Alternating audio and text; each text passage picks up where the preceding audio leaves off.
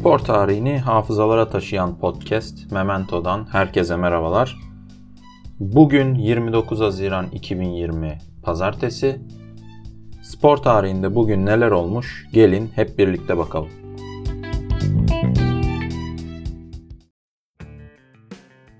Güne ilklere sahne olan bir olayla başlıyoruz. Öğrendiğinizde siz de şaşırabilirsiniz. 29 Haziran 1958 günü Brezilya, İsveç'te düzenlenen 1958 Dünya Kupası finalinde İsveç'i 5-2 yenerek tarihinin ilk şampiyonluğunu kazanmış. Böylelikle Brezilya kendi kıtası dışındaki bir ülkede bu kupayı kazanan ilk ülke olmayı da başarmış. Bu turnuvada 13 gol atan Fransız Just Fontaine bir Dünya Kupası'nda en çok gol atan oyuncu ünvanının hala sahibi. Bu turnuva aynı zamanda televizyon yayını yapılan ilk kupa. Turnuva oynanırken henüz 17 yaşında olan Pele bu turnuvayla birlikte adını duyurmaya başlıyor ve performansıyla sadece Brezilya'nın değil tüm dünyanın en efsane futbolcularından biri olmaya başlıyor. İlk röportajını Halit Kıvanç'a veren Pele'nin bu kupada kırdığı Dünya Kupası tarihinin en genç oyuncusu unvanı daha sonra egale edildi. Ancak Pele aradan geçen 62 yıl ve 15 turnuvaya rağmen hala Dünya Kupası'nda hat-trick yapan en genç ve final maçında oynayıp gol atan ve de kazanan en genç oyuncu. Gerçek bir efsane. Pele'nin 2 gol attığı ve bugünün de konusu olan 1958 Dünya Kupası finalinin sonundaki bir hareket ise bugün bir simge haline gelmiş ve ritüelleşmiş durumda. FIFA Başkanı Arthur Drury kupayı Brezilya'nın kaptanı Hideraldo Bellini'ye verir kazandıkları için ve Bellini de bu kupayı alır. O dönemde şimdiki gibi müsamereler pek düzenlenmemektedir. Fakat İsveçli gazetecilerin boyunun uzun olması ve platformun bayağı bir önünde olmaları Brezilyalı gazetecilerin görüntü alamamasına sebep olur. Bunun üzerine Brezilyalı basın mensupları da Bellini'den kupayı havaya kaldırmasını ister ve kupa kaldırma geleneği de işte böylelikle başlamış olur.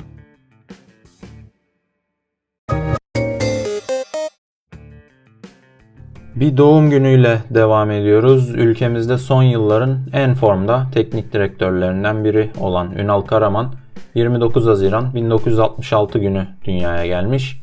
Trabzonlu olmamasına rağmen şehrin dinamiklerini çok iyi bilen ve kulübün de efsanelerinden biri olan Ünal Karaman'ı Aynı zamanda milliyetçi kimliğiyle tanıyoruz. Kendisi muhtemelen dünyanın en ülkücü insanı falan. Oğullarına verdiği Ersagun Akbar, Gökbörü Saltar ve İlteriş Sancar da bunu doğrular nitelikte. Futbola doğduğu şehir Konya'da başlayan Ünal Karaman Gaziantep ve Malatya'nın ardından efsanesi olacağı Trabzon'un yolunu tutuyor 1990 yılında ve tam 9 sene oynadığı Trabzonspor'dan sonra bir yıllık Ankara gücü macerası yaşayıp 2000 yılında emekli oluyor. Emekli olur olmaz o dönemde milli takım antrenörü olan Şenol Güneş'in yardımcılığına getirilen Karaman, Şenol Güneş'in ayrıldığı 2004 yılına kadar yardımcılığını yapıyor milli takımda ve Dünya Kupası üçüncülüğünün kazanıldığı 2002'de de teknik ekipte bulunmakta. Sonrasında bir dönem Ümit Milli takımı çalıştırır ve futbolculuğundaki gibi Anadolu'da takım takım dolanmaya tekrar devam eder. 2010'da yine Trabzonspor'a bu sefer yardımcı antrenör olarak ve yine Şenol Güneş'in yardımcısı olarak gelen Ünal Karaman, Şenol Güneş 2013'te istifa edince o da istifa eder ve tekrar dolanmaya başlar. Ünal Karaman son olarak yine Trabzonspor'un başına geçmiş. E, Trabzonspor'da bir çıkış yakalamış ve onun yönetimindeki Trabzonspor uzun yıllar sonra ilk defa böyle derli toplu bir görüntü sergileyip tekrar şampiyonluk adaylarından biri olmuştu. Fakat siyasetin merkezde olduğu tartışmalı bir süreç sonunda kendisinin görevine son verildi ve kendisi de şu an Çaykur Rizespor çalıştırmakta.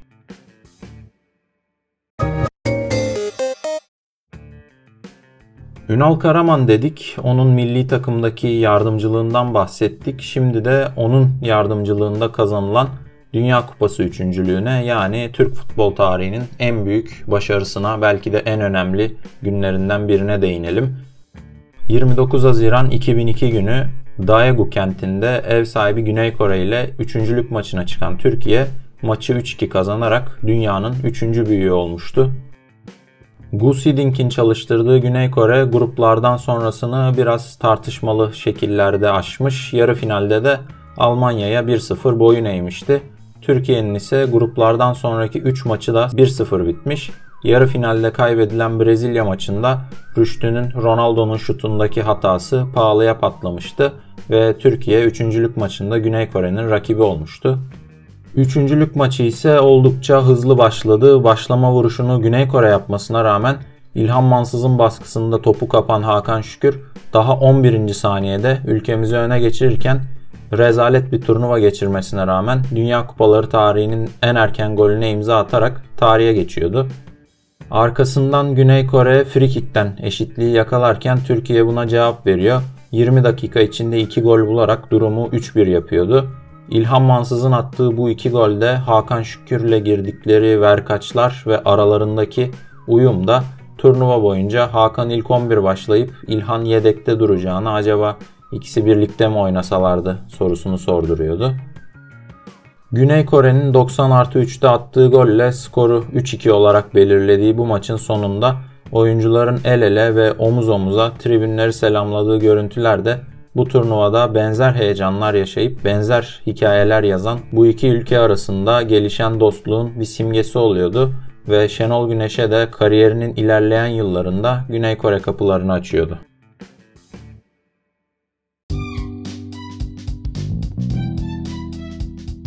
...29 Haziran'ın önemli olayları bu şekildeydi. Yarın 30 Haziran'da görüşmek üzere. Hoşçakalın.